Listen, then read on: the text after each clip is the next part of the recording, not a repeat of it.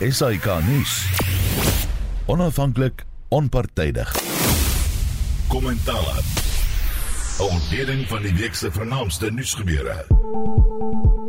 Baie dankie. Ja, welkom by Kommentaar en soos jy vroeër in die nuus gehoor het, sal die VN Veiligheidsraad na verwagting Dinsdag stem oor 'n mosie van Algerië oor 'n onmiddellike humanitêre skietstaking in die Israel-Hamas oorlog. Algerië het die voorstel aanvanklik 2 weke gelede ingedien, maar die VSA se ambassadeur by die VN, Linda Thomas Greenfield, het gewaarsku dat die teks die sensitiewe onderhandelings oor 'n verposing in die oorlog in die gedrang of in gedrang kan bring. My gaste vanaand is Dr. Leslie van Rooi, senior direkteur sosiale impak en transformasie aan die Universiteit Stellenbosch. Goeienaand Leslie. Leslie, kan jy my hoor? Sien hy beweeg maar. Hy sê niks nie maar intussen professor Antoni van Nieuwkerk van Tabo Mbeki Afrika Skool vir Internasionale Betrekkinge. Goeienaand Antoni. Ek sien hulle praat maar ek hoor hulle nie. Intussen Dr Ina Gous van die Departement Politieke Studies en Regeringskunde aan Universiteit van die Vrystaat. Goeienaand Ina. Goeienaand. My klankregisseur Jady Labeskagni en ek is Susan Paxton.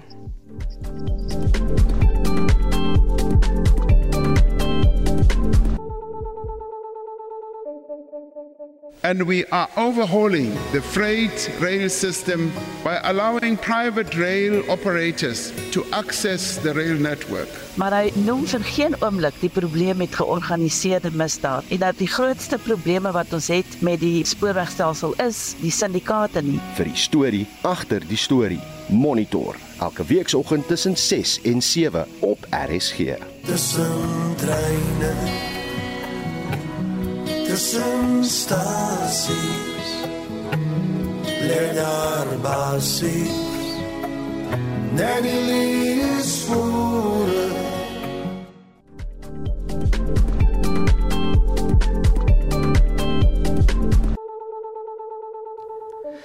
Welkom terug by Kommentaar soos jy gehoor het my uh, sprekers vanaand Dr Leslie van Rooi, professor Antoni van Nieuwkerk en Dr Ina Gous. So sukkel so effe met daardie twee se lyne. Antoni, as jy daar? Yes. Daar sien nou hoor ons vir jou. Leslie? Hallo Susan, ek is hier. Ons sê welkom by die program. Kom ons begin sommer met die eerste tema vir die aand. Misdaadstatistiek wat Vrydag bekend gemaak is. 7710 mense is in 3 maande vermoor. Die minister van Polisie, Bekkie Cele, sê dit is onrusbarend en kommerwekkend. Daar was ook 7927 gevalle van poging tot moord aangemeld. Die syfer het met meer as 13% toegeneem jaar op jaar. Antonie, elke keer dieselfde storie. Moordsyfer is hoog, die minister is bekommerd, maar Ja, ehm um, Susan, baie dankie. Ek hoop my lyn is darm beter nou ja, uitklink mooi. as er ja, Okay, goed. Ek ek kyk na dieselfde statistieke. Ek wil net 'n paar statistieke byvoeg as jy man- my gaan toelaat om nou net die die verslaggewer te wees vir 'n minuut. As mens kyk na die af, die 3 maande van laas jaar, die kwartaal. Uh jy's reg, die die die statistieke wat uitstaan is moord 7700 dis in 3 maande nê verlede jaar. Mhm.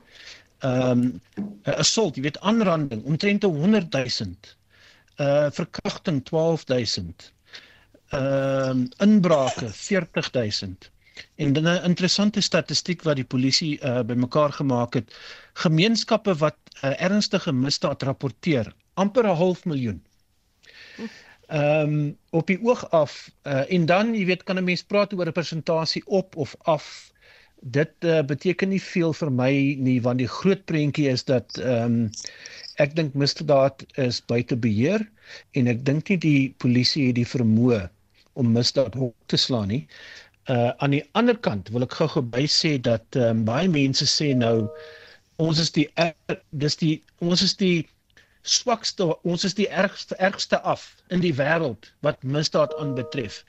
Ek het vinnig daar gaan kyk na 'n sogenaamde crime index wat vir ons 'n uh, 'n lys gee van lande. Ons is in die top 5, dis waar. Dinge gaan baie sleg.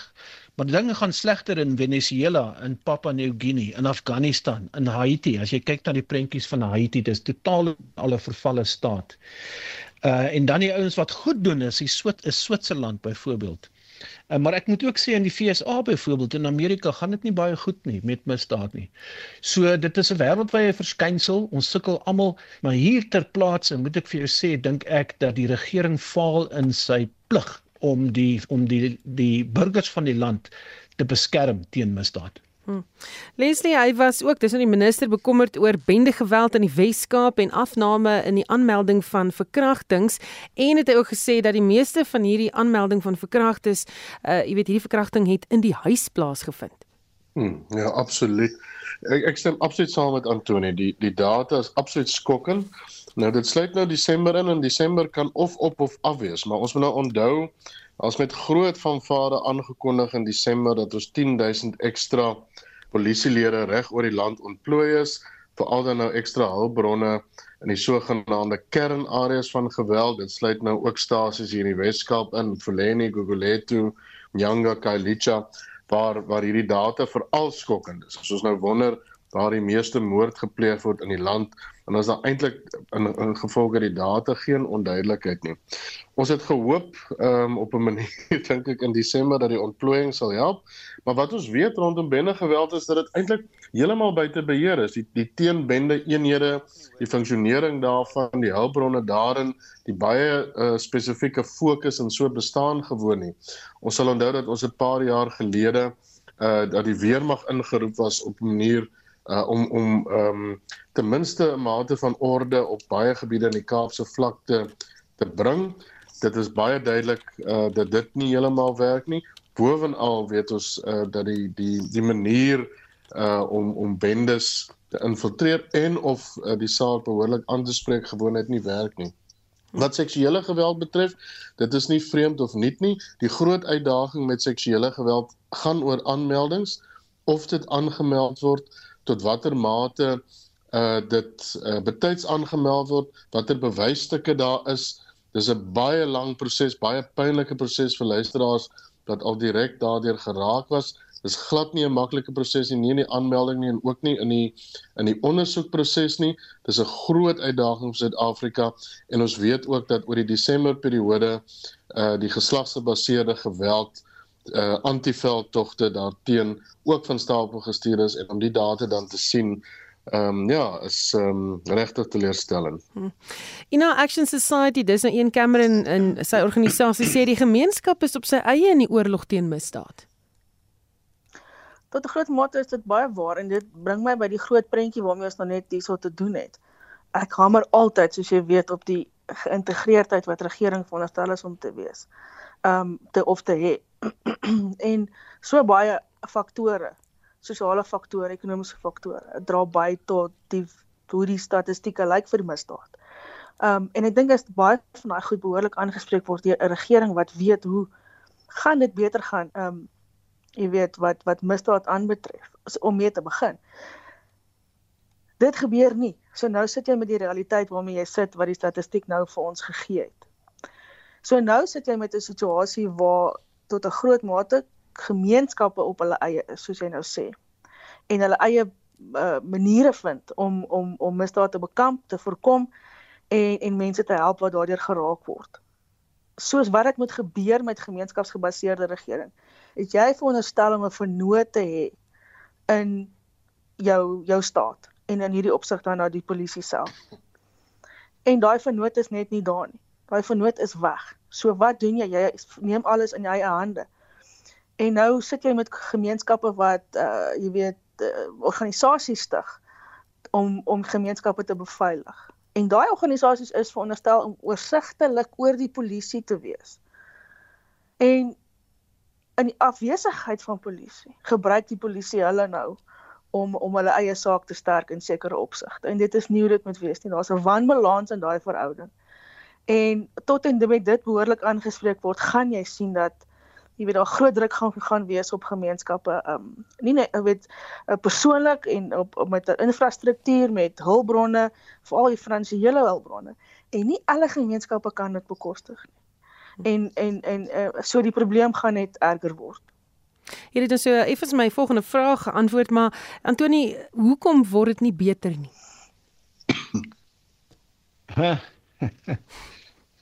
Ehm um, ek ek sit en dink terwyl Ina praat wat die oplossing kan wees, maar nou vra vang jy my uit met hoekom word dit nie beter nie? Ehm um, die die staat het nie die vermoë om die probleem aan te spreek nie. Dis een van die dinge wat ek dink 'n uh, 'n uh, 'n oorsaak is van hierdie statistiek waarvan ons praat. ehm um, die onvermoë van die staat om geïntegreerd saam te werk om uh, misdaad te voorkom. En ek moet vinnig sê, jy weet die uh, jy moet 'n polisieman daarom ook jammer kry of 'n vrou wat by 'n huis aankom en binne in hierdie huis, jy weet, het daar was daar gesinsgeweld gewees of 'n uh, verskillende ander goeters wat gebeur het. 'n Gesinsmoord. Die polisie kan dit nie noodwendig voorkom nie. Dit is 'n sosiale aspek, is deel van die kultuur van die land waar ons geweld gebruik uh, om probleme op te los. Uh, so dan 'n groter 'n uh, 'n dinkstrum dink skrim aan die gang kom oor hoe ons hierdie probleem kan benader. En ek wil vinnig by sê twee goeders. Uh, ek ek het baie meer verwag van misdaad intelligensie en hervorming daar uh, want baie van die uh, van die intervensies wat gepleeg word en partykeer kry die polisie dit reg om van hierdie sê maar hierdie uh, wat is 'n cash and transit heist? Transito roof tog ja Ja, dankie uh, Susan. Om om daai ding partykeer word dit voorkom. So daar's goeie intelligensie wat vloei. Dit beteken jy het mense en jy het oë en ore op die grond. Ehm um, maar vir my uh, is dit 'n groot teleurstelling soos wat ons nou in die verkiesingsproses ingaan hierdie jaar. Ehm uh, kyk 'n mens na die manifeste van die verskillende politieke partye. Almal het nog nie uitgekom nie. Ons wag nou vir die ANC, die DA is, is uit en so aan. Ehm um, maar ek sien nie eintlik nuwe of vars maniere van dink oor hoe om hierdie probleem te oorkom nie.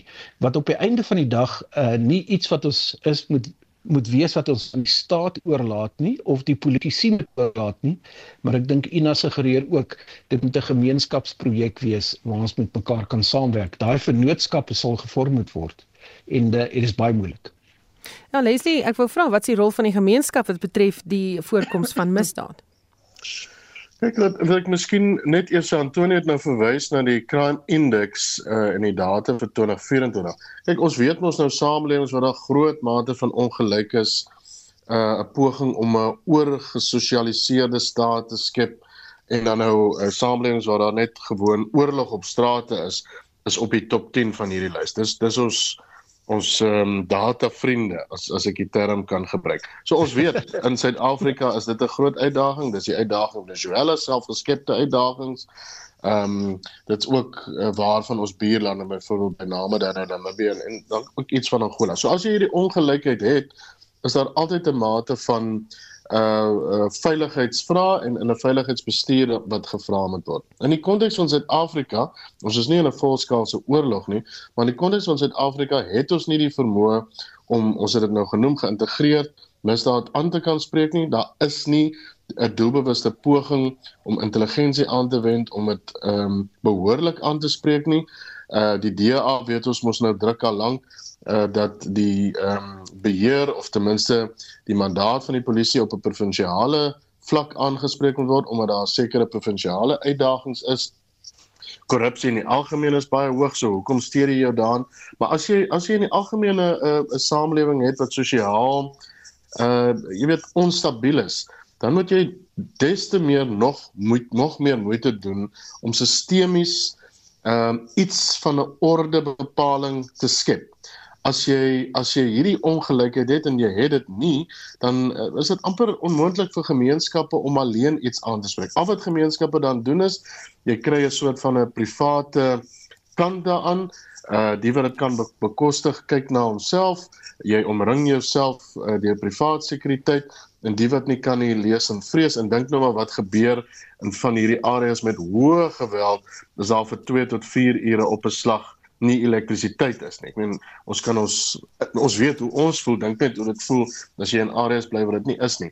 As jy nie die infrastruktuur het nie, jy kan dit nie bestuur nie, jy het nie 'n goeie geïntegreerde regs ehm um, infrastruktuur nie, uh, ons regstelsel ehm um, faal ons by tye, onsekerheid oor of straf werklik uh, jy weet gepas is en of dit enigstens misdaad aanspreek. As dit alles deel van daai som is, uh, wat vir ons 1 + 1 + 1 by 10 uitbring, dan is dit um onmoontlik om dit behoorlik te kan aanspreek.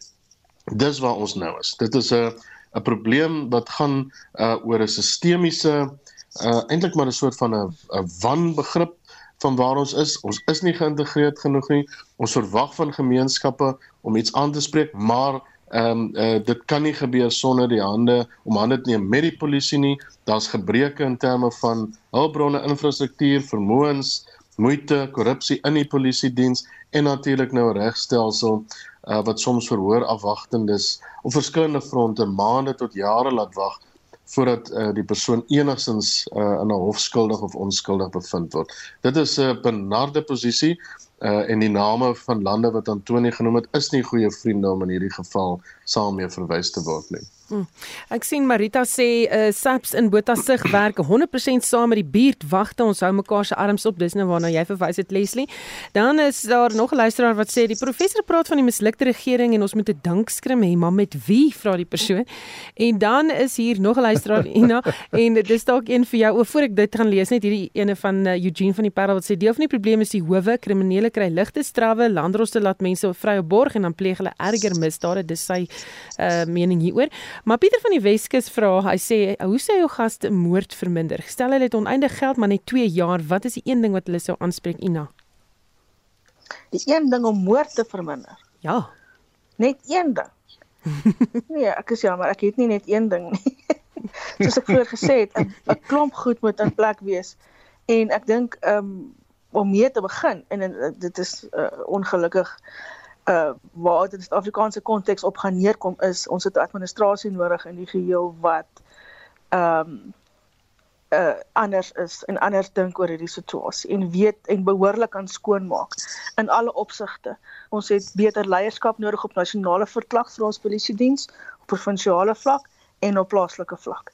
En mense wat bereid is om daai moeilike en gevaarlike besluite te neem om te kyk na al die syndikaate binne die polisie wat saam met kriminele syndikaate werk.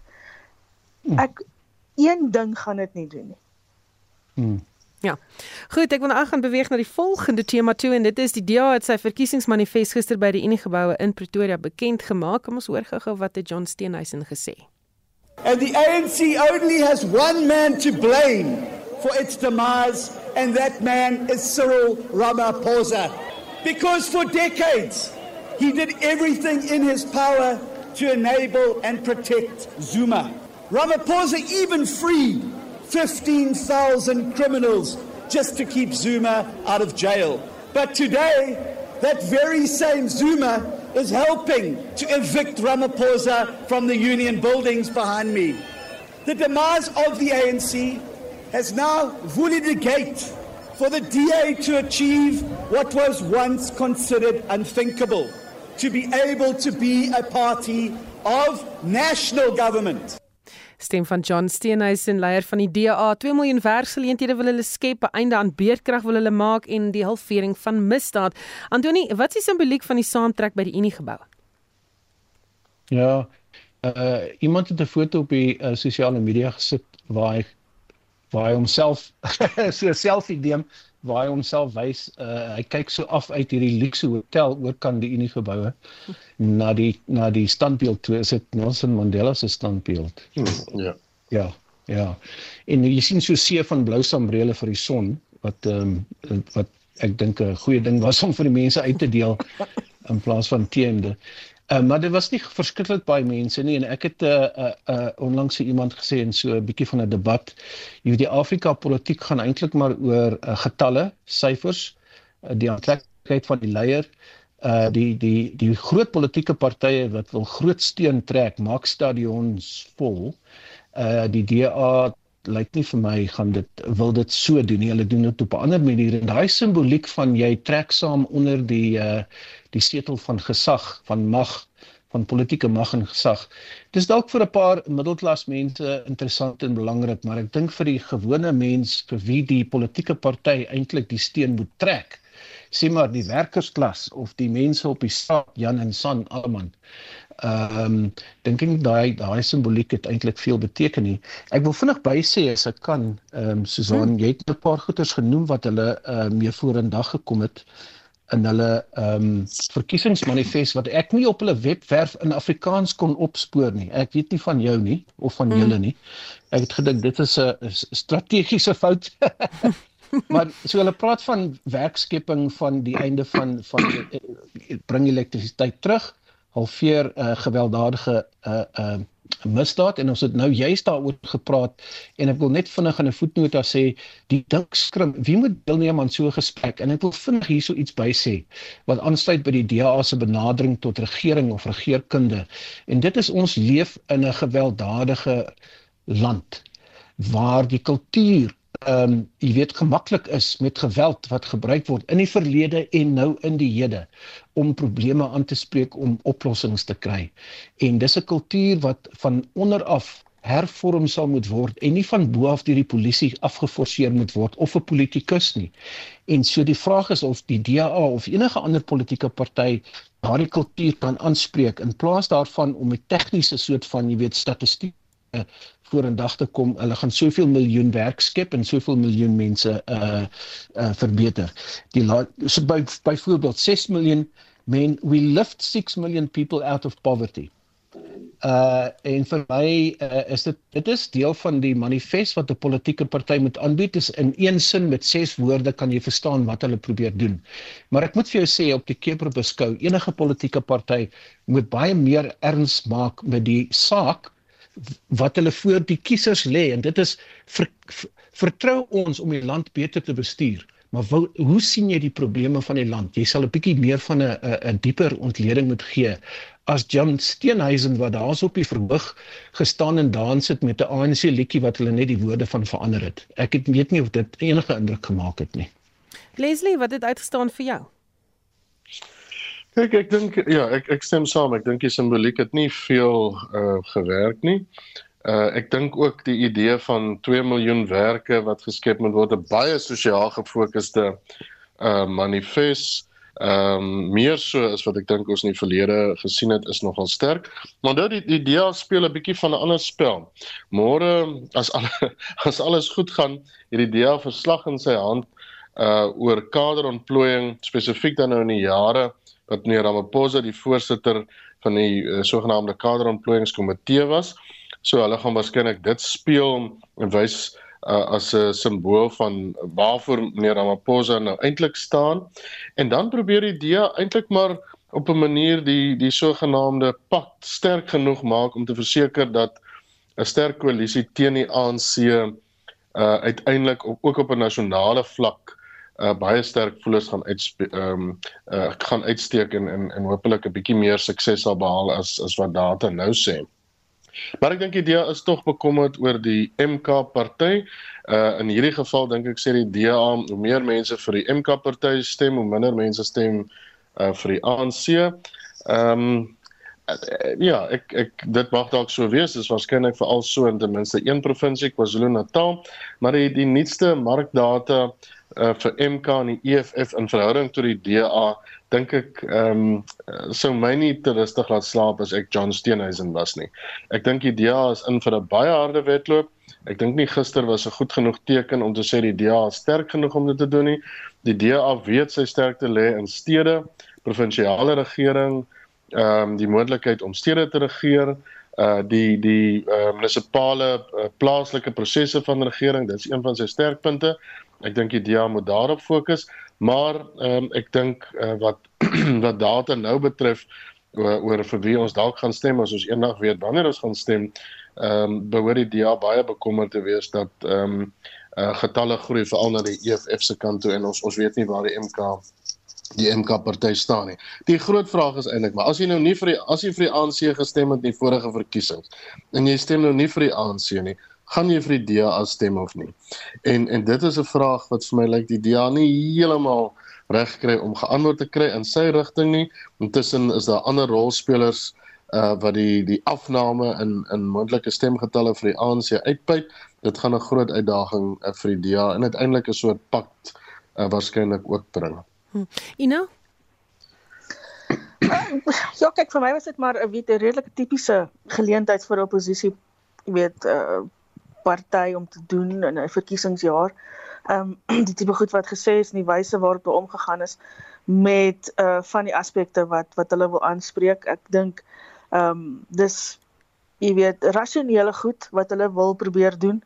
Ehm um, dit is net uh die die die gewone probleem wat die oppositie en al die DA nog heeltyd het is is maar nog daar dat jy selfs in die geweldige uh verval wat Suid-Afrika is onder ANC regering ehm um, nie dit kon regkry om 'n regte ehm um, 'n boodskap uit te stuur wat mense van hou om te sê, jy weet, ons het genoeg gehad. Ehm um, en dit is Suid-Afrika se se se se gevoel is aangeheel. Hulle het ons het almal genoeg gehad. Maar hoekom is dit nie genoeg om vir iemand anders te stem? En en dit is 'n uh, dit is 'n baie moeilike ding vir die DA en ander oppositiepartye om om die stadium aan te spreek, veral in gesien die lig dat al hoe minder mense lyk like vir my stembus toe gaan. En dan mense hoop soos 'n jaar soos vanjaar waar dit moontlik is met hierdie pakt om dalk net al is dit op provinsiale vlak um hier, uh, hierdie swak administrasie uh, weet uh, uit die stoel te lig is dit iets wat ek meer sou op gefokus het as John Steenhuisen in die opsig van ons wil as politieke party as 'n uh, hoofopposisie al hierdie goed doen maar ons weet ons het vennote nodig en hier het ons ons vennote en ons gaan baie hard werk om saam met hulle hierdie te doen. Dat Suid-Afrikaners kan sien dit is die doel. Dit is waartoe ons werk. Ja. En ek sou daar, dis een ding waarop ek 'n bietjie meer sou gefokus het as ek hy was. Leslie, wil jy nog iets sê? Nee, ek stem 100% saam. Ek dink wel selfs die simboliek om voor die Unie gebou te staan as jy weet jy gaan sukkel om op jou eie oppositie te wees dink ek mm. laat baie vrae laat baie vrae na vore kom. Ek dink die idee van 'n provinsiale uh soort magsbasis en die samewerking met die ander partye om uiteindelik die baie eenvoudige uh korrupte, onbekwame uh ANC uit die kussings lig behoort die primêre fokus te wees. Uh en ek dink nie ons het dit gister so helder gehoor nie. Antoni, nog so laaste gedagte daaroor? Ja, Susan, ek dink uh Leslie het sy vinger hierso op die pols gesit. Dit dis vir my nogal treffend as jy nie vir die ANC wil stem nie en jy oorweeg die alternatiewe, die die die EFF aan die een kant, MK as hulle as hulle die hof saak gaan wen wat hulle logo aanbetref en hulle naam, daar lê nog drama voor, want dit kan oorspoel in politiek geweld ongelukkig. Maar as jy dan nou vir vir die oppositie moet stem, is dit stem jy vir die DA as deel van 'n pak en wie van wie van ja. hierdie hierdie koalisie gaan eintlik die voors die die die stem wees en die gesig van hierdie van hierdie groepering en hulle ek ek kan ek sien dit nog nie raak nie o, en ek dink die tyd raak min daarvoor. Eh daai probleem uit die weg te ruim. Dit is 'n fundamentele kwessie dink ek vir enige koalisie. Uh, ons sien dit wêreldwyd. En dan die laaste ding wat ek wil sê is Susan is soos wat ek deur daai uh, Engelse uh, manifest gelees het. kom ek agter maar hulle sê niks oor buitelandse beleid nie en dit het 'n netelige kwessie geword vir die DA gaan nog 'n interessante tydjie wees wat voor lê, 'n klomp manifeste wat nog ook bekend gemaak moet word. Verlede week byvoorbeeld die EFF se. Intussen jy luister na kommentaar my gaste vanaand Lesie van Rooyen, Antoni van Nieuwkerk en Ina Gous. Uh, ons gaan nou so effe na die buiteland toe of ek hartseer nuus twee soldate van Suid-Afrika is in die DRK dood nadat 'n mortier die basis getref het. Hulle name is vandag bekend gemaak. Dit was kaptein Simon Bobbe en onderkorporaal Irwin Semono. Die DRK minister van verdediging Kobus Maree het vroeër die week gesê dit is die rede hoekom hulle gekan kant is teen 'n verdere ontplooiing in die DRK. Antoni, is ons soldate behoorlik toegerus of is daar 'n probleem soos wat die DA sê? Uh, ja, die die die meeste militêre kenners kenners wat tot dusver nou gepraat het en gereageer het op hierdie insident sê almal min of meer dieselfde ding.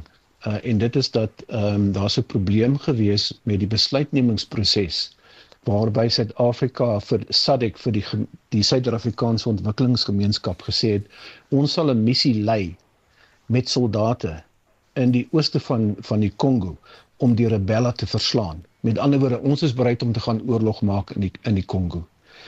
Uh dis 'n dis 'n dis 'n dis 'n baie ernstige besluit om te neem.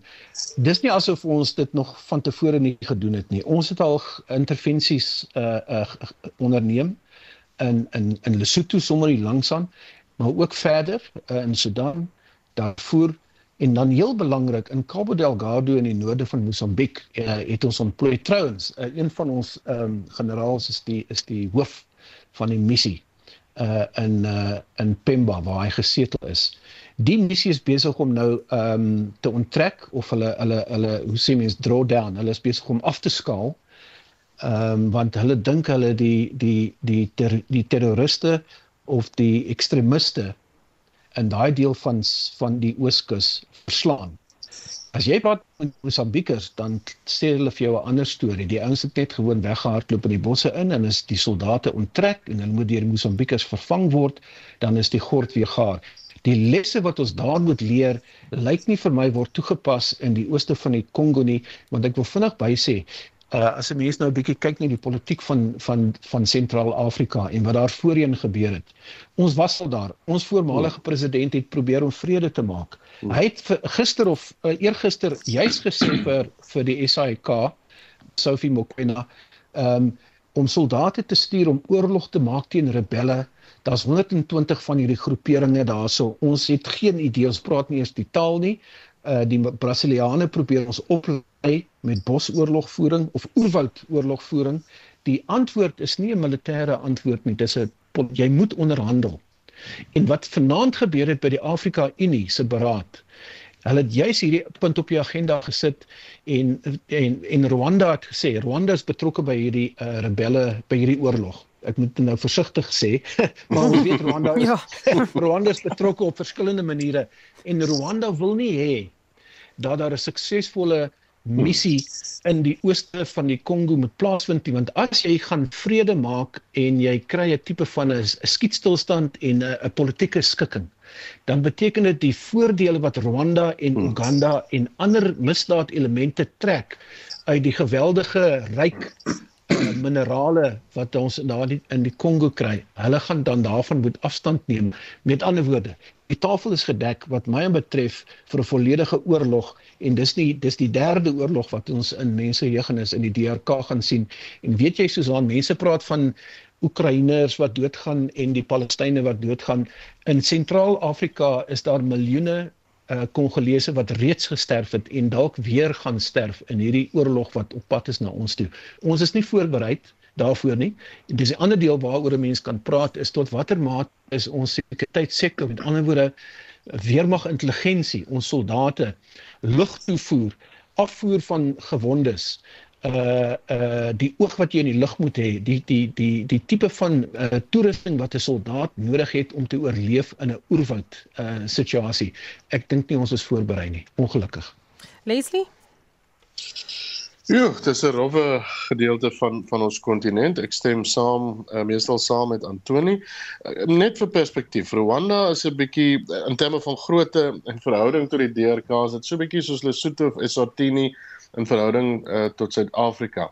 Maar 'n uh, ehm um, semi tot 'n volle diktatorskap redelik goed bestuur 30 jaar uh, na volksmoord in Rwanda ekonomies uh skerp rof met sy bure oos-wes en suid ehm um, polities redelik betrokke in daai streek veral dan nou aan die grens die oosgrens van die DRK aan die ander kant 'n DRK massiewe land 'n geweldig baie voetspore uh, buitelandse voetspore weens die mineraalrykheid. Ehm uh, moet 'n sleutelrol speel in die kontinent nie net in terme van hulpbronne nie maar daar was vir jare ook sprake dat daar geweldige uh, potensiaal is vir die opwekking van elektrisiteit uh wat uh, uh eintlik 'n soort jy weet 'n nuwe soort sentraal-Afrika sou skep. Swak regering oor jare geskiedenis uh, van rebelle en rebellie Ehm um, dit is 'n resep uh, vir vir iets wat nogal rof is.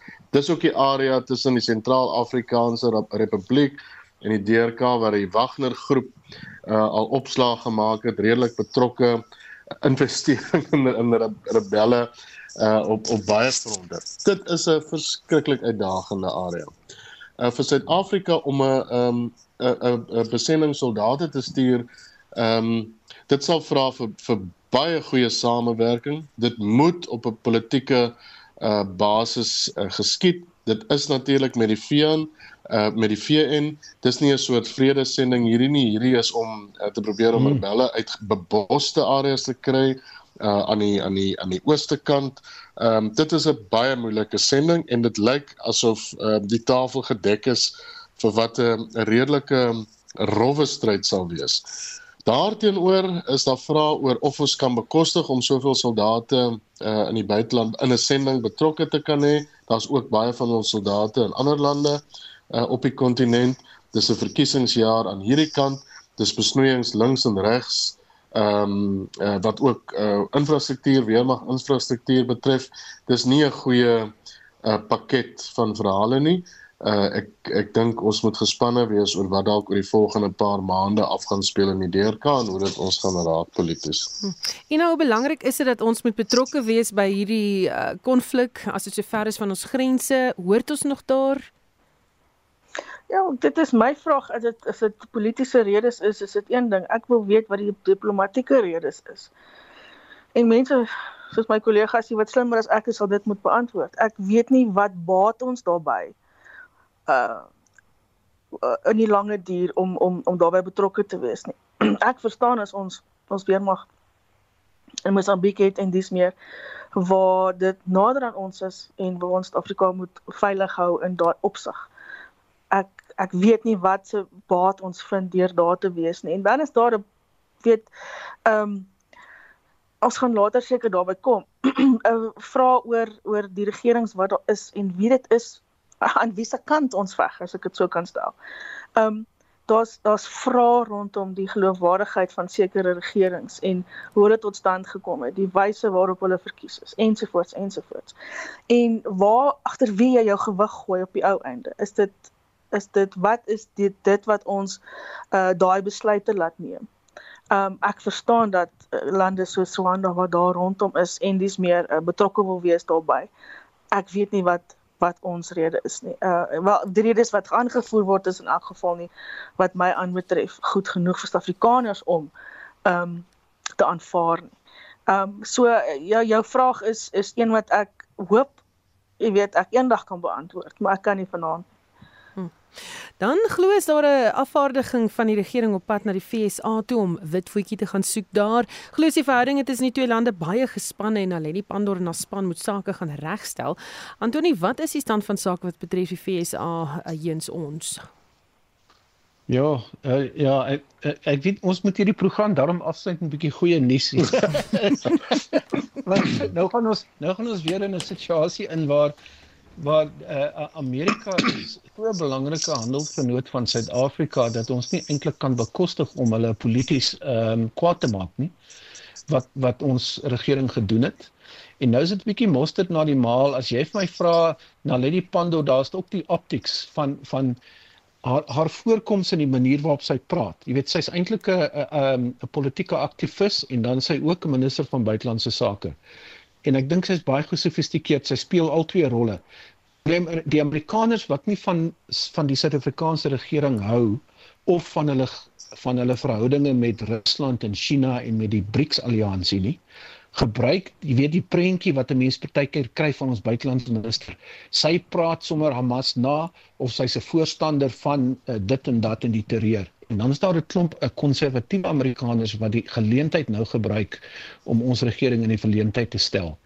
Ehm um, ek sou ook as ek die die president was nog meer mense gaan stuur het. 'n uh, 'n afvaardiging van van sakelei om te gaan probeer vrede maak want ons het handel nodig met Amerika. Of ons nou van van hierdie uh uh um, globale reus die hierdie empire wat wat wraaksugtig in sy buitelandse beleid is of ons van hulle hou of nie ons dryf handel met hulle. Ons bou fort bakkies hierso in die agterplaas ons jy weet ons het daai werksgeleenthede nodig. En die uitdaging vir die minister om uh, ek sou haar nie gestuur het nie. Ek sal dit klomp besigheidsmense gaan stuur het om namens Suid-Afrika te, te hierdie verhouding te probeer beredder wat eintlik op die rotse gaan loop want die saak word nog meer ingewikkeld want dink nou net 'n bietjie aan hoe Oekraïne besig is om uit te speel met Putin uh, en dan ook wat in die Gaza gebeur en in die Midde-Ooste oor die langer termyn. So uh ons sal ons beste diplomatieke maniere moet kry om vir die Amerikaners te sê wat baie moeilik is want ons weet nie wie gaan die verkiesing wen later in die jaar nie. Hmm. Is dit Biden wat die mense nie mooi kan verstaan as hy praat nie of gaan dit Kamala Harris wees wat dalk die kans gaan kry om die lagende president te word of gaan dit Donald Trump wees wat wat lelike goed gesê het oor Afrika in die verlede. So op enige ander manier, ek probeer die ding uit verskillende hoeke bekyk, maar dit lyk nie vir my asof daar goeie nuus is nie. Leslie Ja, uh, dit is ehm uh, dis 'n baie interessante besoek. Mense moet nou onthou, Naledi Pandor was eintlik maar die gesig van Suid-Afrika uh ehm um, uh is die gesig van Suid-Afrika wat buitelandse betrekkinge betref en en as 'n mens nou dink aan aan hoe sigbaar sy was ehm um, in die in die uh, Gaza saak ehm um, Suid-Afrika op wêreld verhoof verteenwoordig is dit dieselfde persoon wat na die FSA toe gaan? Ek ek dink daar's miskien iets simbolies daaraan. Ek dink daar's baie meer hoop as realiteit daaraan. Die vorige keer wat ons presidente afvaardiging Amerika toe gestuur het was dit baie duidelik dat niemand daar weet presies wat Suid-Afrika sê nie en wat ons uh uh, uh ekonomiese en diplomatieke beleide is en en wat ons vir die Amerikaners vra. So hopelik is dit anders. Maar ek ek ek moet eerlik sê ek verstaan nie heeltemal die besoek nie. Dit is so 'n uh, um groot verkiesingsjaar vir beide van die lande uh beide van ons staan op die voorstoep van 'n verkiesing ons is onseker oor 'n uh, uh, regering veral dan nou in die kant van Amerika wie sou regeer en, en dit sal uiteindelik beleid ehm um, beïnvloed ons uh, en so. Ek dink wat ons probeer doen is om te sê ons is nie 'n land net vir dit en teen dit nie. Ons probeer diplomatieke bande so sterk as moontlik hou. Terloops, dit is waarskynlik ook die rede waarom ons gretig is om op opdrag van die VN uh onsself in die DRK te bevind en in ander situasies. Dis gewoon hmm. om diplomatieke redes, dis om te wys Suid-Afrika hou goeie diplomatieke verhoudinge ons is daar as die as die VN sê ons moet help, ons ons probeer vrede bring en so. En ons het eh, met die laaste BRICS konferensie hier het ons gesê Suid-Afrika se se handelsvennote is BRICS en nie net BRICS nie.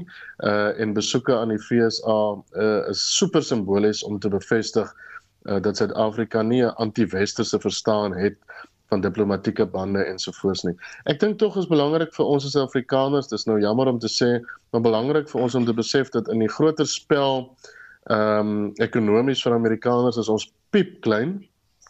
Die beste moontlike rol wat ons kan speel uh is in terme van Suid-Afrika in verhouding tot die kontinent. Daar faal ons op op baie vlakke. Ehm um, uh die glansmoontlikheid van Suid-Afrika uh in verhouding tot die FSA is al vir baie lank aantaan uh, en dit gaan ehm um, as veral onder die Republikeine raak hierdie verhoudinge handelsverhoudinge en dit is die beste verhouding wat ons kan hê handelsverhouding raak dit moeilik en rondom die die Gaza saak dink ek gaan daar nog baie gesê word oor Suid-Afrika se rol ehm um, en en hoe dit ehm um, ons verhoudinge met ons vennote raak. En ek dink dit is wat ehm um, uh, minister Pandor waarskynlik wil begin voel. Uh en ek vermoed dit gaan 'n opsoek wees van ou vriende van Suid-Afrika. Uh ek vermoed hulle word ook minder aan daai kant. Ina? Ja, ek dit is 'n uh, 'n besoek wat ek dink nodiger is of wat ons dalk weet as uh, jy weet gewone landsburgers. Ehm um, ek het 'n vermoede daar's onderstrominge wat ons regering waarskynlik baie bekommerd maak wat die Amerikaanse houding teenoor Suid-Afrika en spesifiek wat wat dan nou handel en dis meer ehm um, gepaard gaan mee. Ehm um, dit ek ek ek het 'n vermoede daar ehm um, dit is 'n groot rede vir hierdie besoek en nie net eene vir jy weet vir die beeld van Suid-Afrika nie. Ek dink daar is ehm um, probleme wat hulle wil voorkom. Uh en hopelik ja, dan af wie hulle gestuur gaan hulle daarin slaag want dit uh die skade wat aangerig is met ons verhouding met Amerika is redelik groot. Ehm um, soos wat ons nou gehoor het. En dan onder al hierdie is die ANC vir Gulen Balula van alle mense Rusland toe gestuur. En ehm um, die uitlatings wat gemaak is is jy weet soos soos wat mense maar altyd uh, gesien het net verstommend en ehm um, onder die in dieselfde tydperk is is is uh, Yevgeny Navalny dood en in dieselfde tyd is is word russe wat ehm um, jy weet 'n eerbetoon wil doen waar ook al hulle is aan hom word hulle gearresteer en onderdruk en en en en aangerand. Ehm um, terwyl Afrika uh, gaan staan en uh, jy weet vir, vir die wêreld verklaar hoe groot vriend hulle van Putin is. Um, jy weet dit dit niks van hierdie goed werk goed saam nie.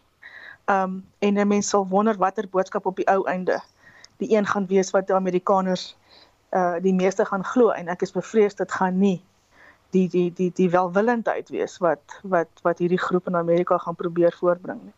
Hmm.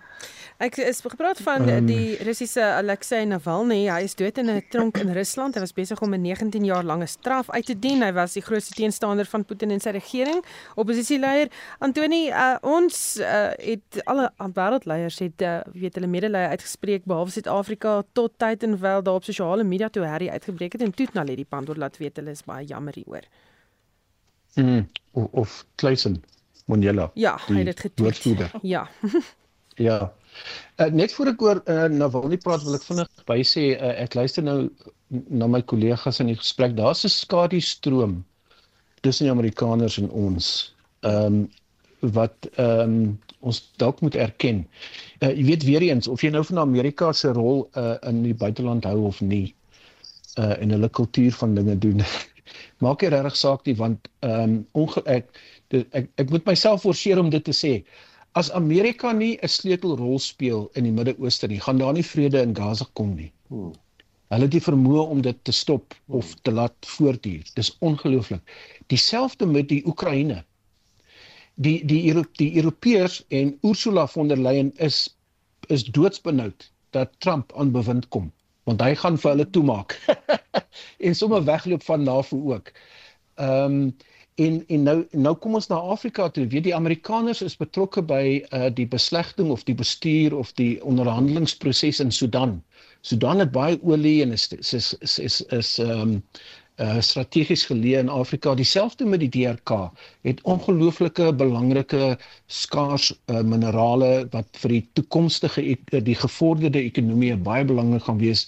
Die Amerikaners kan as hulle wil uh, 'n vredesproses na die een of die ander kant toe stuur.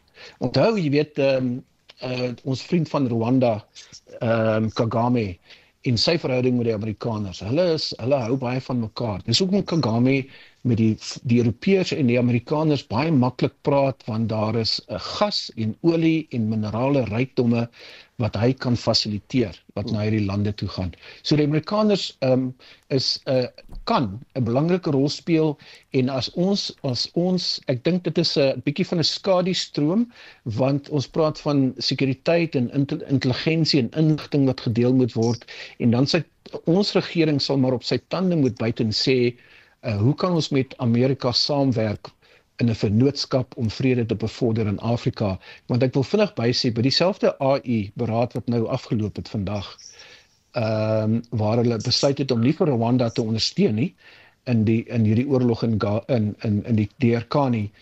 Ehm um, het dit ook baie duidelik geword dat ons het nie Afrika het nie die vermoë om soldate rond te vlieg, op te lei hmm. en te ondersteun nie.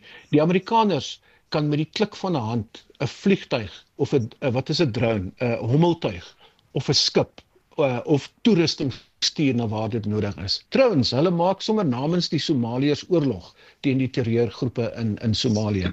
So dit is 'n tipe van 'n balans wat wat op 'n manier gekry moet word wat ons nie maklik in die openbare gaan sien nie en dit sal dalk eers maande later uh, op die lappe kom. Wat Navalny aanbetref, uh, Susan, ek wil net vinnig sê dat ehm um, jy weet daar's twee stories. Die een is dat ehm um, jy kan hom sien as 'n held wat demokrasie probeer bevorder het en hy het teen die diktator Putin opgestaan en uh ehm um, baie moed aan die dag gelê en daar's mense wat hom ondersteun en hy is 'n slagoffer van 'n wrede diktatorskap en so aan.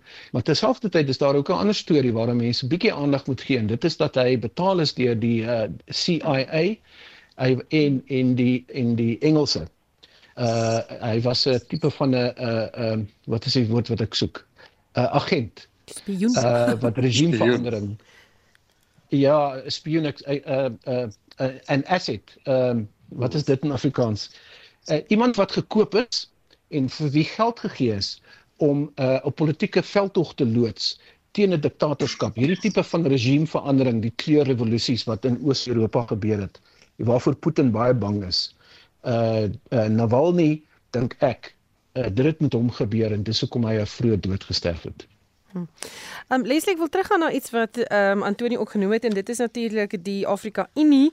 Uh Afrika leiers moet optree teen die voortdurende konflik op die kontinent en dit was die boodskap van die Afrika Unie hoof Musa Faki Mahatma en hy het die tweedaagse AI beraad wat gister begin het so geopen. Ehm um, maar baie Afrika Unie leiers word gereeld gekritiseer dat hulle geen beslissings maak om enige van die konfliksituasies werklik waar op te los nie. Hoekom is hulle so besluiteloos? Ja, soos weer terug aan Addis Ababa, die hoof van die Afrika Unie.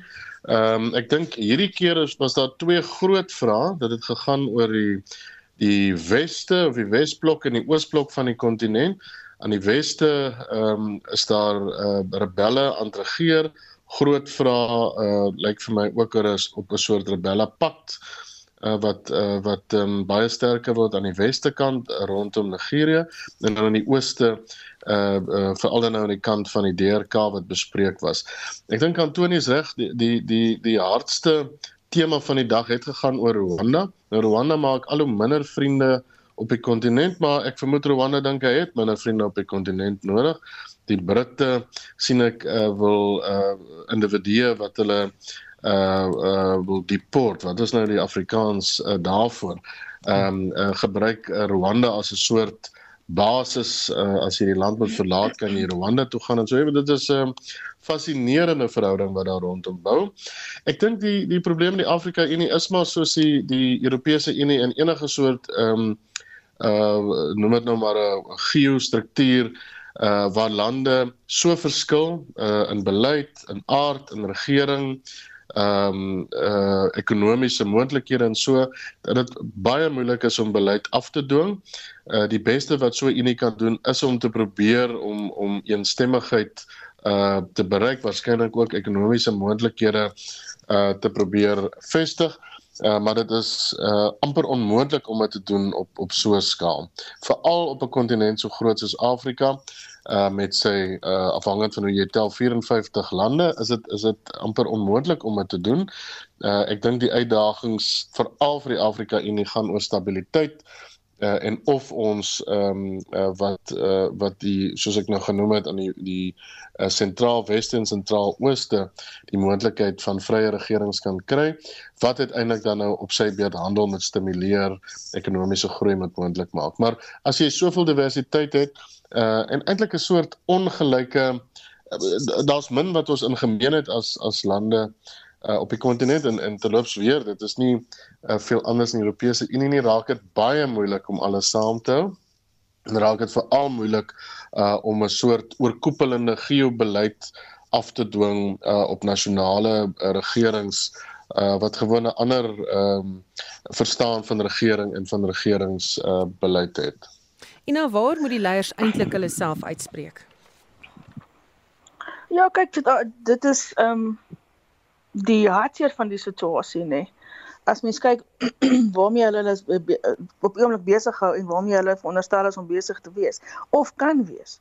As mens kyk na wat wat Afrika as kontinent kan bied. Ehm um, jy weet as jy deel is jy's uh dis vrywillig om om om 'n lid te wees van die Afrika Unie en sodra jy is dan dan dan skaar jy jou by sekere beginsels wat uh ekonomie, goeie regering ensovoorts aanbetref.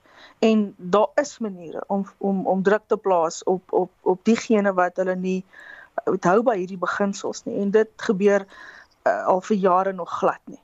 Um en spesifiek in die konteks van van 2024, weet daar's omtrent 20 verkiesings wat in Afrika gebeur hierdie jaar. Um ons insluitend, Rwanda insluitend. En jy weet, is daar meganismes wat um mense in hierdie lande gaan help, gaan gaan gaan verseker om om om verkiesings te hê wat vry en regverdig is. Um is daar meganismes en en daar moet wees. Um en dan kry jy situasies soos so SADC waar waar Zimbabwe 'n verkiesing gehad het wat nie vry en regverdig is nie in Suid-Afrika. Jy weet, wens hulle geluk en sê alle sterkte in plaas daarvan om dit ten sterkste uit te spreek teen teen dit wat hulle gesien en gehoor het wat verkeerd is. Dis die tipe goed wat problematies is. En dan kyk jy na ehm um, weet lande soos die FSA wat uh, hierdie situasies baie fyn dophou. En hulle meganismes en en strukture en goed is hard aan die werk om te kyk waar en hoe gaan hulle invloed uitoefen op op hierdie verkiesings en en en waar uh, hulle sekere regimes in plek wil hê en seker is nie omdat hierdie lande hierdie hierdie regerings hierdie ehm um, jy weet die kontinent nie self in beheer is van van sy van sy toekoms nie. Ons het so baie hulpbron, natuurlike hulpbronne. Daar is so baie ehm um, gesprekke wat gevoer kan word om te sorg dat handel maklik is, dat dat dat vir, weet ehm um, omgang met mekaar en en weet makliker is ehm um, en en hierdie gesprekke word nie gevoer nie omdat ons besig is met oorlog, geweld en dis meer. Praat van verkiesings Moletsi Mbeki sakeman en politieke ontleder sê in die Daily Maverick dat die ANC vyf groot foute begaan het as regerende party. Foute is die aanvaarding van swart bemagtiging, die groei van die swart middelklas deur herstellende aksies as 'n arbeidsbeleid, die behoud van staatsbeheerde maatskappye en buitelandse beleid oor Zimbabwe en Mosambiek en die beheer van die grense weg te neem van die weermag.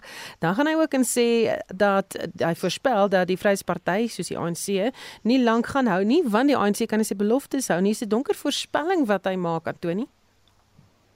Ja, Susan, ehm um, laat my toe om net vinnig op op Ina te reageer. Hmm. Uh, ek het nou geluister wat sy sê en ehm um, uh, die die narratief wat sy gebruik, haar taalgebruik sê vir my dat daar's hoop vir die Afrika Unie want want Ina jy het nou die hele tyd gepraat van van demokrasie, verkiesings, uh oorsig uh en die waardes en die norme van die toekoms. En dit is vir my 'n plus. Dis 'n positiewe ding want onthou ons het uit 'n era gekom in die koue oorlog. Ehm um, ek weet nie of ons luisteraars almal dit kan onthou nie, maar in die in die 50, 60er en 70 en die 80er jare het ons deur 'n moeilike tyd gegaan in Afrika, maar ook elders in die wêreld waar diktatorskappe en sosialisme en kommunisme en oorlog teen mekaar aan die orde van die dag was. Uh en ons het deur apartheid gegaan. Uh ons is nou op 'n ander plek in Afrika. Ehm uh, die die Afrika Unie bied vir ons 'n uh, 'n normatiewe waardestelsel aan waarna ons kan streef. En as die lande in Wes-Afrika hierdie uh staatsgrepe ondergaan, dan uh, praat Afrikane oor is dit 'n goeie ding of is dit 'n slegte ding? Dit word nie net meer so, so maklik aanvaar nie. En so vir my is dit 'n bietjie van 'n positiewe ding om so aan die Afrika Unie te dink.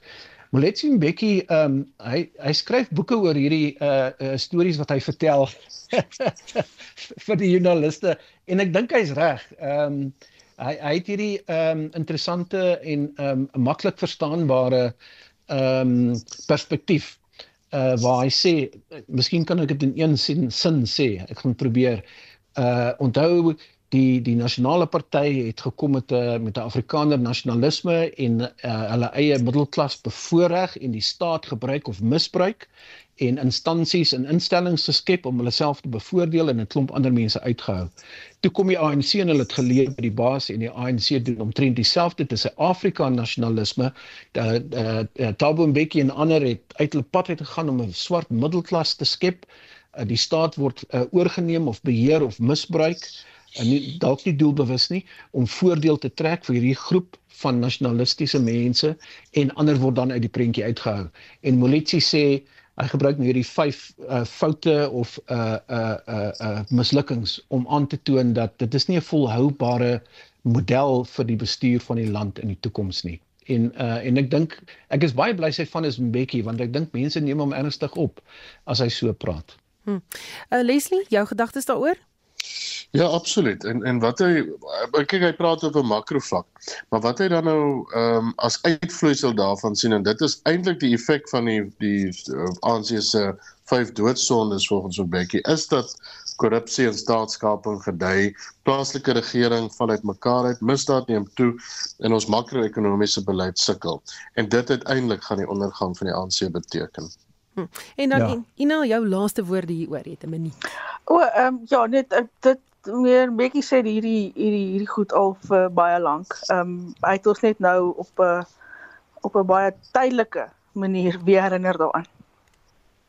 En dis dit. Baie dankie dat julle saamgesels het vanaand. Uh, dit was kommentaar. My gaste was Dr. Leslie van Rooi, senior direkteur sosiale impak en transformasie. Dis aan die Universiteit Stellenbosch. Professor Antoni van Nieuwkerk van die Tabo Mbeki Afrika Skool vir Internasionale Betrekkinge en Dr. Ina Gous van die Departement Politieke Studies en Regeringskunde aan die Universiteit van die Vrystaat. Ek sien 'n klomp SMS'e wat ook ingekom het. Dankie dat jy saam geluister en gesels het vanaand. My klankregisseur Jady Labeskagni. Ek is Susan Paxton. Geniet die res van jou aand. Thank